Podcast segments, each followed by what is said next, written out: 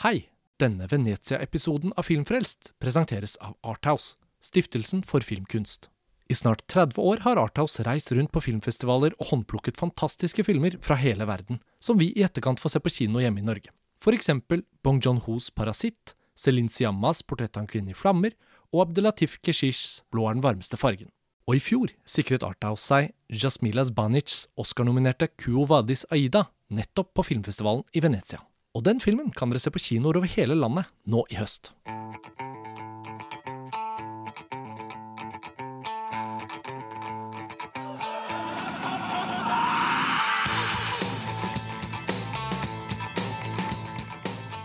Hei og velkommen til en ny episode av Filmfrelst, podkasten fra filmtidsskriftet montasj.no. Mitt navn er Karsten Meinick, og vi er fortsatt her på filmfestivalen i Venezia.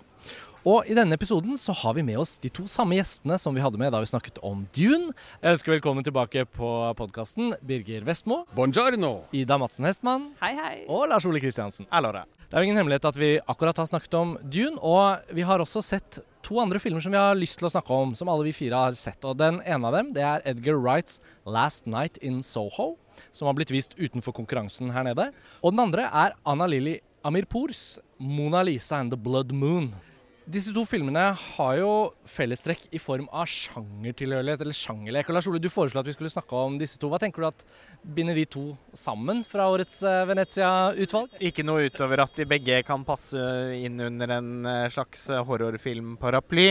Altså, det er jo ikke en ren sjanger. Den består, det består av så uendelig mange subsjangere. Og har man eh, bestemte typer overnaturlige elementer og innslag av eh, gore Ja. osv., så, så så vil det være å anse på en annen måte som en slags horrorfilm. Eh, ingen av de er typiske i, i så måte, og det er jo noe av det som eh, gjør de morsomme å, å snakke om. Ja, og noe av det som er gøy med sjangerfilmer i festivalløypa, er jo at de ofte bidrar med litt sånn forfriskende eh, filmopplevelse innimellom det som ofte kan være litt dvelende eller langsomt eller sånn. Nå har det ikke vært så mye av det i år i Venezia, da, men hvis vi skal starte med Edgar Wrights film, og vi har jo ikke tenkt å komme med noen spoiler i denne episoden, så lytterne kan trygt høre på uten å føle at de får avslørt noe, men kanskje få grunn til å glede seg, da.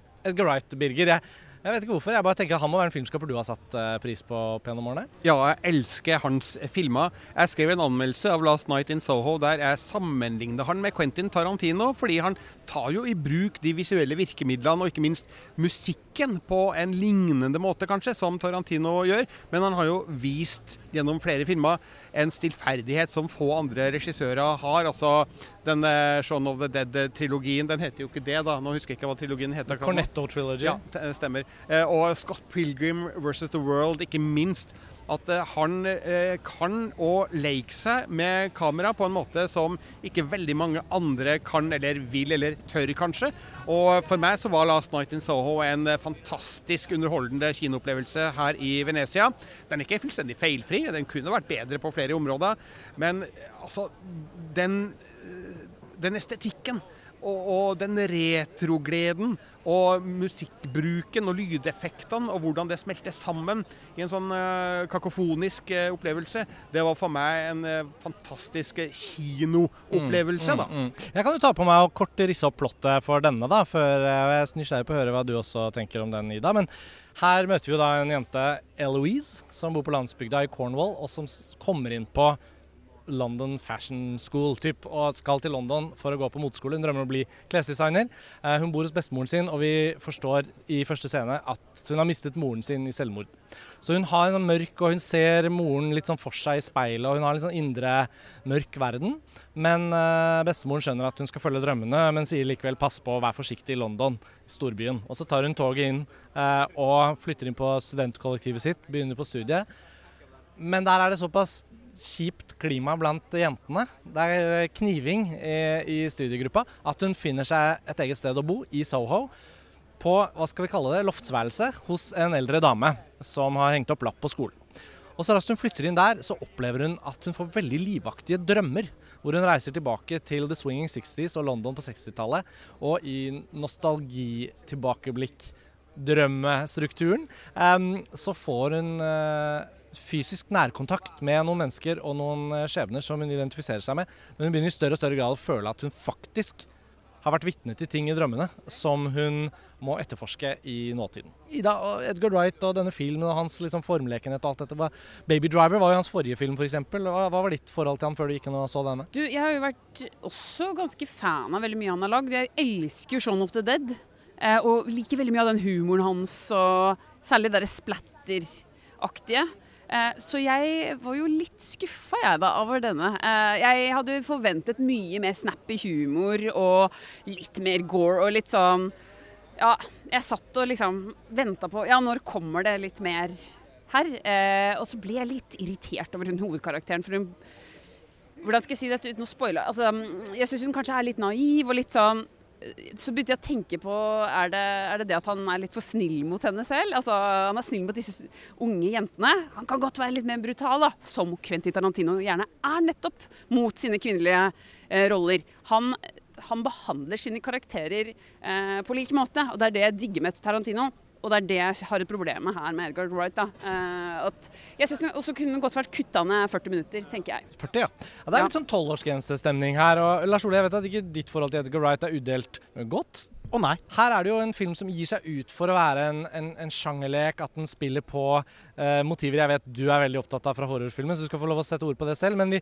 har jo også en sånn cast her som er veldig attraktiv. Det er Anja Taylor-Joy, og det er hun Thomasine McKenzie som vi blir kjent med i Leave No Trace, og som også hadde en veldig bra rolle i Old til Shyamalan tidligere i sommer. Og den onde prins Philip fra The Crown. ja, Matt Smith. Så hvordan var din inngang? Nei, men altså, jeg har liksom blandet forhold til Edgar Wright. Jeg tenker Han er en veldig talentfull filmskaper, mm. eh, og han har jo da pendlet Eh, eller vært på liksom slags uh, evig safari uh, og utforsket veldig mange forskjellige sjangre og uttrykk. Scott uh, Pilgrim versus The World f.eks. syns jeg jo er innmari imponerende som liksom lek.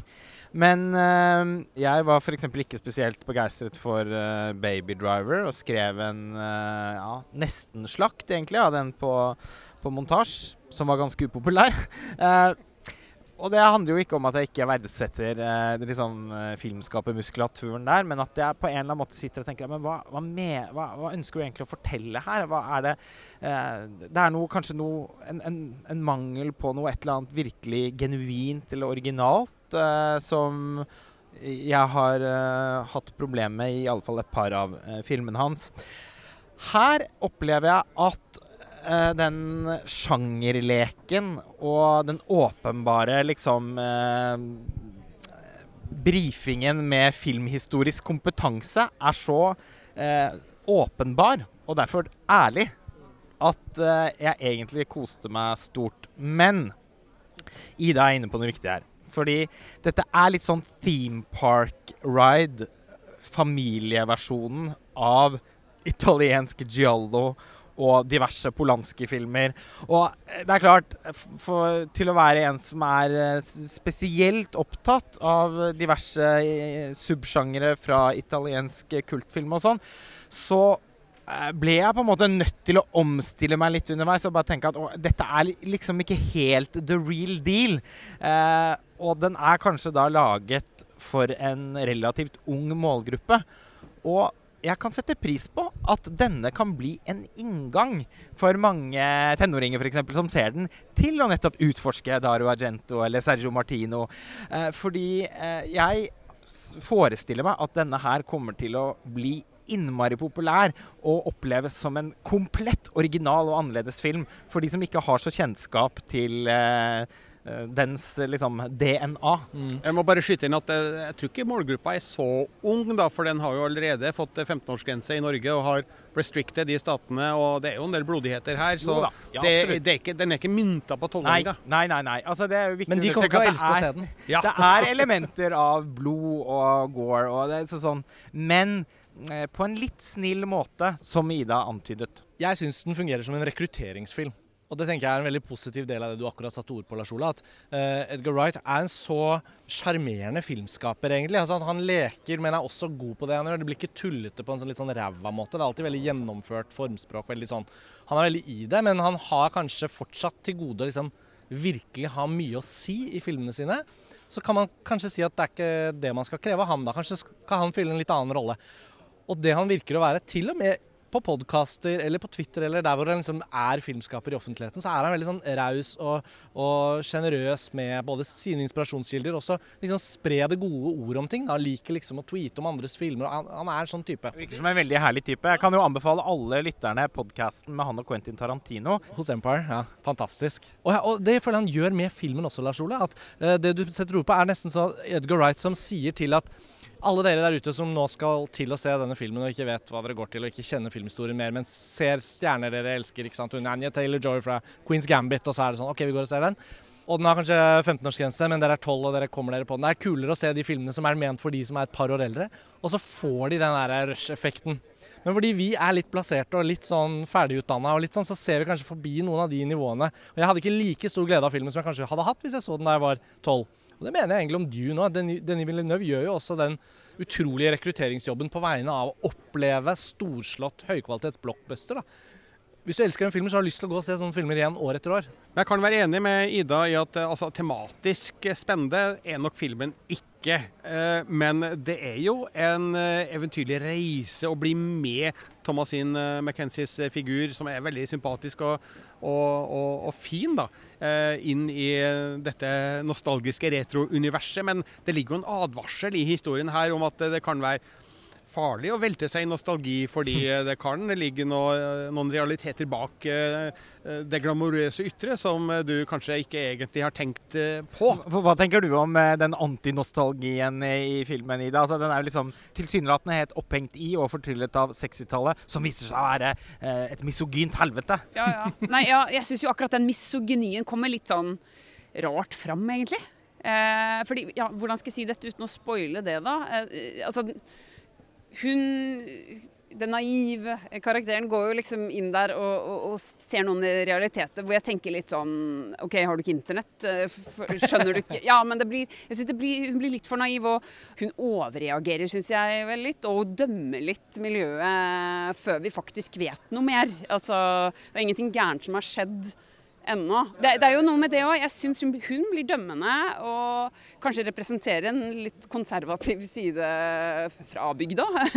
Hvor hun jo kom fra. Cornwall. Ja, men Det er litt interessant Hun blir på et tidspunkt omtalt som en country mouse. Ja, ikke sant? Ja. Av de andre veldig morsomme og veldig fæle eh, medstudentene som hun til, i, til, å begynne med er nødt til å bo eh, på et sånt dorm med. Men der er jo også en innvending. Hva skjer med Altså, man introduseres jo med disse fæle folka fra byen, da. Det er Mean Girls-stemning ja, mean der. Girls. Eh. Men der også er et problem, fordi da kunne det jo skjedd mye spennende, eh, men hvor jeg føler at her går man ikke videre i den konflikten eller spenningen der. Eh, Nei, det, det liksom velger jo filmen nesten å ikke bry seg om. Ja, jeg synes det, det, også, det er jo veldig merkelig, fordi der er det flere ting som jeg heller ikke skal si, som, som kommer etter hvert, men som, hvor den bare velger å ikke gå videre med de, de trådene kaster ut. da. Men, ja, men det er, det er et veldig godt poeng, fordi den fordyper seg liksom aldri i noen ting. Den skal hele tiden videre og til noe annet.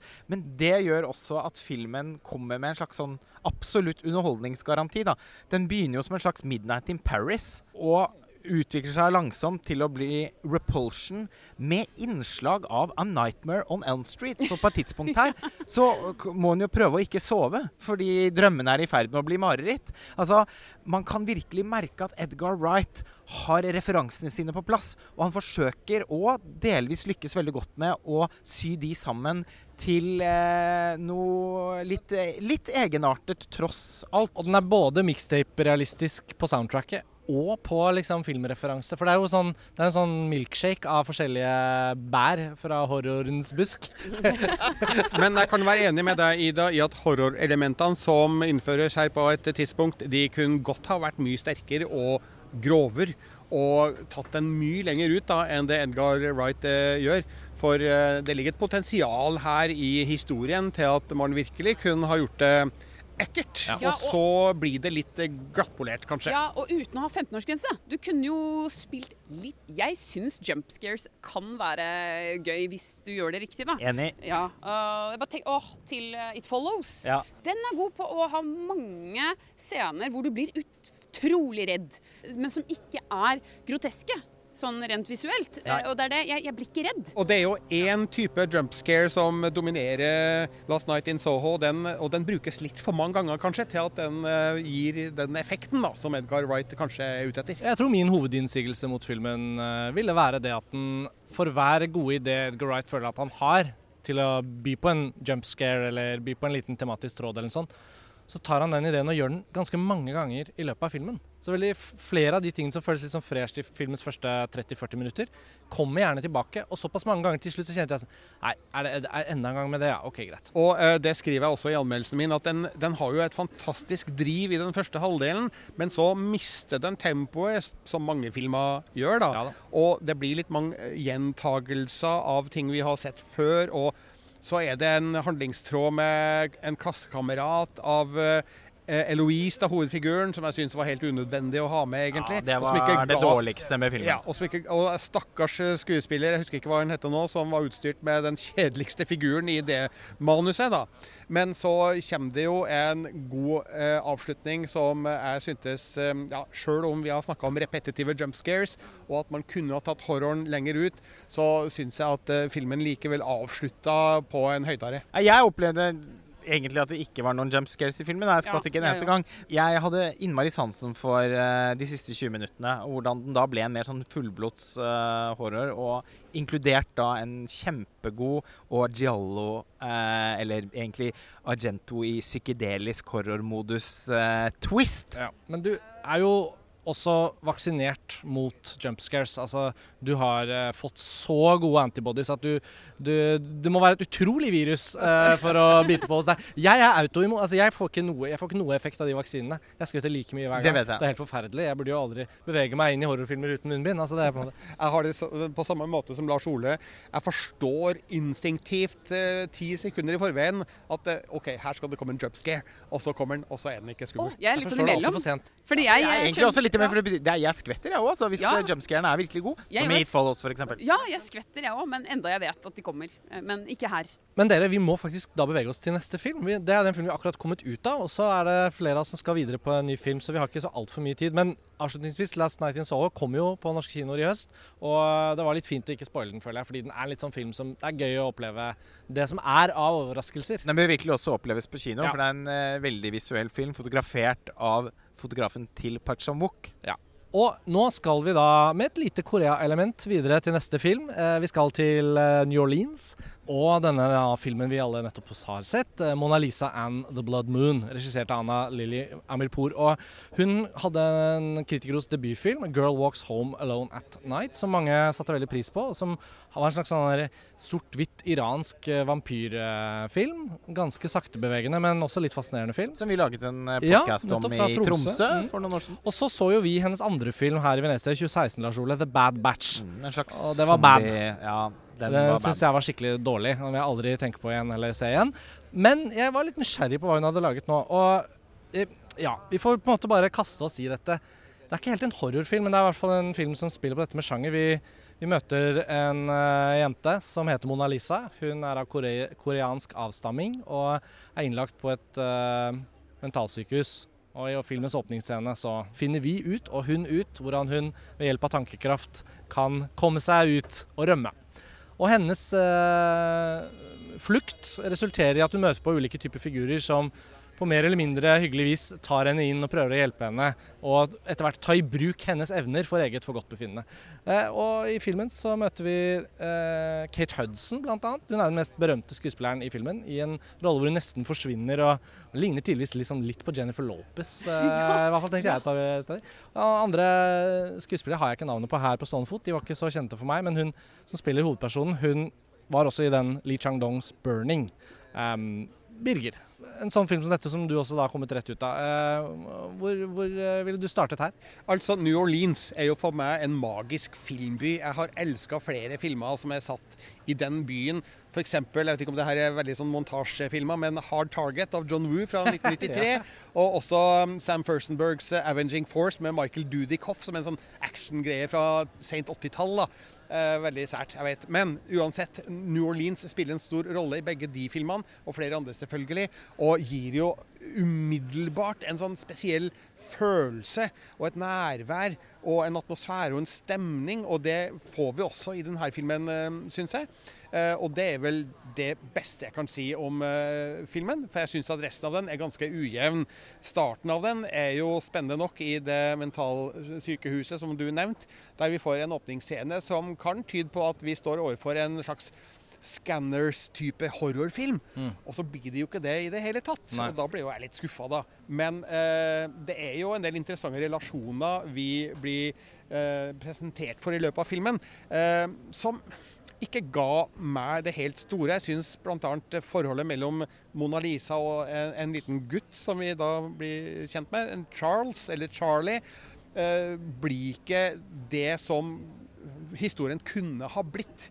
Jeg vet ikke helt hva som var tanken bak denne historien, og hva som er budskapet her, og hva som skal være meninga med det. Men sånn rent umiddelbart etter å ha sett filmen, så fikk jeg ikke den helt store følelsen for det universet som vi blir introdusert for. Altså rent visuelt og lydmessig, ikke minst, det skal vi vel snakke litt mer om, så er filmen fantastisk. Men historien som fortelles, den ga ikke meg noe spesielt mye. Jeg digga den, jeg. Jeg, den var, jeg, satt, jeg, satt, der underveis der og bare Yeah, dette, dette liker jeg. Uh, og så begynte jeg å tenke masse på den Altså, det er en musikkvideo av Lorne, eh, 'Acid Rain', eh, som om det skulle vært utgangspunktet eller inspirasjonskilden, eh, som da utspiller seg på en diner med mye neonlys og veldig blodig scene. jeg tenkte på den, og så tenkte jeg på hun er det Kimiko i The Boys. Som om dette skulle vært en alternativ eh, story, eh, eller origin story ja. av henne, på en måte. Hvor, hvor, kom hun fra? hun er også Rollefigur fra Amazon ja, Prime-serien The Boys? Ja, The Boys, eh, som også har powers og ikke kan engelsk, eller kan ikke snakke så godt. ikke sant? Uh, og er en fremmed, en alien. Og det er jo det hun er her òg. Uh, og særlig når man kommer da Eh, i, når hun kommer ut og disse omgivelsene hun møter som er veldig eh, kontrastfulle og fargerike, og alt det neonlyset. Jeg tenker veldig The Boys og den karakteren. da. Syns det var veldig fresht og delikat samtidig som det var spennende. Og så liker jeg Jeg syns hun var veldig troverdig som skuespiller. Og så ble jeg Og så møter vi Kate Hudson, og jeg syns hun å, hun glir så godt inn i den rollen. Jeg digger henne. Og jeg tenkte også på Jennifer Lopez mm. og den derre Hustlers? Den, ja, Hustlers. Åh, det jo, må jo være flere inspirasjonskilder her fra noe der og um, ja. Jeg tenkte mye på Jim Jarmers. Ja, det høres jo litt merkelig ut nå, men uh, jeg har jo også tidligere tenkt at han åpenbart er en viktig inspirasjonskilde for Amirpour. Mange Jarmers-elementer i den A Girl Walks Home Alone at Night uh, også. Og det er noe med New Orleans-settingen òg som forsegler den uh, forbindelsen litt. Fordi litt sånn på samme måte som The Dead Don't Die, så har den en sånn, en sjangeraktig ramme, men den er egentlig helt interessert i andre ting. Og mer å stoppe opp uh, på forskjellige uh, steder der man møter rollefigurer som representerer et eller annet miljø eller et eller annet sosialt sjikt. Uh, til å begynne med så tenkte jeg Har hun laget en J-horror? Fordi eh, looken på hovedpersonen var så Sadako-aktig, da. Med denne tvangstrøyen som hun får eh, løsnet opp, og som hun liksom sleper rundt mens hun nærmest liksom svever eh, gjennom parkene og langs gatene i New Orleans. Og langt, svart hår som dekker ansiktet. Ikke sant? Og i, i, begynnelsen er den også innmari brutal. Men eh, som sagt så blir liksom Amir Poor eh, opptatt av andre ting underveis. Så på et tidspunkt der så tenker jeg at den nesten kunne minne litt om Good Time til Safti-brødrene. Altså sånn eh, Det å liksom skaffe seg noen litt sånn underlige allierte underveis og lage midlertidige konstellasjoner som skal få en over noen slags eh, grensekontroller. Eh, og jeg var godt underholdt, uh, må jeg si. Ikke minst fordi at jeg hadde så fryktelig stor glede av soundtracket her. Av soundtracket her. Ja, det var mye soundtrack. Eh, det var, uh, og veldig bra. Det var nesten sånn at man kan mistenke at den viktigste årsaken til å lage filmen var å få med alle disse låtene i en film. Men det er da et helt OK utgangspunkt. Fordi den playlisten der håper jeg blir lagt ut eh, på Spotify på dagen. For den må jeg høre med på. Du jo, skriver jo musikk for Klassekampen, eh, Ida. Hva sier eh, musikkritikeren? Nei, jeg, nei, jeg tenkte akkurat det samme som deg, Lars Ole. Og det var, som sagt, det var derfor jeg begynte å tenke på musikkvideoformatet. Og at altså, hun må jo garantert vært inspirert av noen av musikkvideoene til de, de, artistene hun har brukt. Og det var derfor jeg tenkte særlig på Lauren, da. Eh, fordi det er jo som om hun skulle ha copy-pasta, liksom, ut eh, eh, akkurat den samme dineren fra den ene musikkvideoen der. Eh, og sikkert eh, ja, sett mye musikkvideo som hun har blitt inspirert av. Eh, så nei, jeg syns jo det er kjempefint. Jeg digger den estetikken. Og jeg tenkte også på Harmony Corrine. Um, ja, det tenkte jeg også på. Ja, ja liksom Spring Breakers og også liksom ja. til og med Florida Project, Sean Baker. Altså disse ja. filmene vi har sett de siste årene som liksom tar i bruk disse litt sånne slitne fasadene i sørstatsbeltet, uh, uh, kan man si. Ja, waves litt der, og litt sånn den Queen and Slim, uh, helt fin fra venstre, altså, men også med sånn på rømmen-film. Ja, for det blir jo en på rømmen-film som nok er litt for tilflesket, holdt jeg på å si. Altså, det, det, den hadde trengt å blitt litt trimmet, syns jeg. Den varer i 1 time og 45 minutter, og jeg skulle nok ønske at den var rundt 1,25, kanskje. Mm. Så ikke en film vi egentlig har voldsom entusiasme for, men som på mange måter Uh, Fresh? Ja, hadde sine kvaliteter, mm. kan det høres ut som. Ja, det gjorde meg ingenting å se den. Jeg ble også underholdt. Og ja, jeg syns jo det var en del ja, fantastiske det, det var det. Og litt sånn, altså Det var sånn Eh, litt sånn chill. Ja. Altså, du ikke sitte der med og tatt en drink og ja. liksom, ja. Jeg må innrømme, jeg kjente litt på alkoholsuget. Eh, mens jeg tenkte at dette er en sånn film man skal se sent om kvelden med et par drinks eh, innabords og eh, med noen venner. Og kanskje kan det til og med være lov til å snakke litt under visningen hvis man ser den. eh, det er jo kanskje ikke så sannsynlig at den kommer på norsk kino. Det vil vise seg. Det vil vise seg. Vi er egentlig ved veis ende nå, da, fordi klokka tikker og vi skal videre til andre ting. Men um på mange måter følte jeg heller ikke at man kan snakke den filmen der i hjel. Så jeg syns det var en grei gjennomgang. Eh, Birger og Ida, da først og fremst til dere. Hvis ikke vi rekker å ha dere med på enda en episode før festivalen er over, så må jeg takke for at dere satte dere ned med oss og brukte litt tid på Filmfrelst. Bare hyggelig. Anytime. Det var alltid artig. Ida, Birger, tusen takk. Lars Ole, du er jo tilbake igjen eh, i vårt faste panel nå om noen dager når vi skal lage flere episoder herfra. Det var det for denne gang. Ha det bra. Arrivederci. Prego. Ha det. Ciao.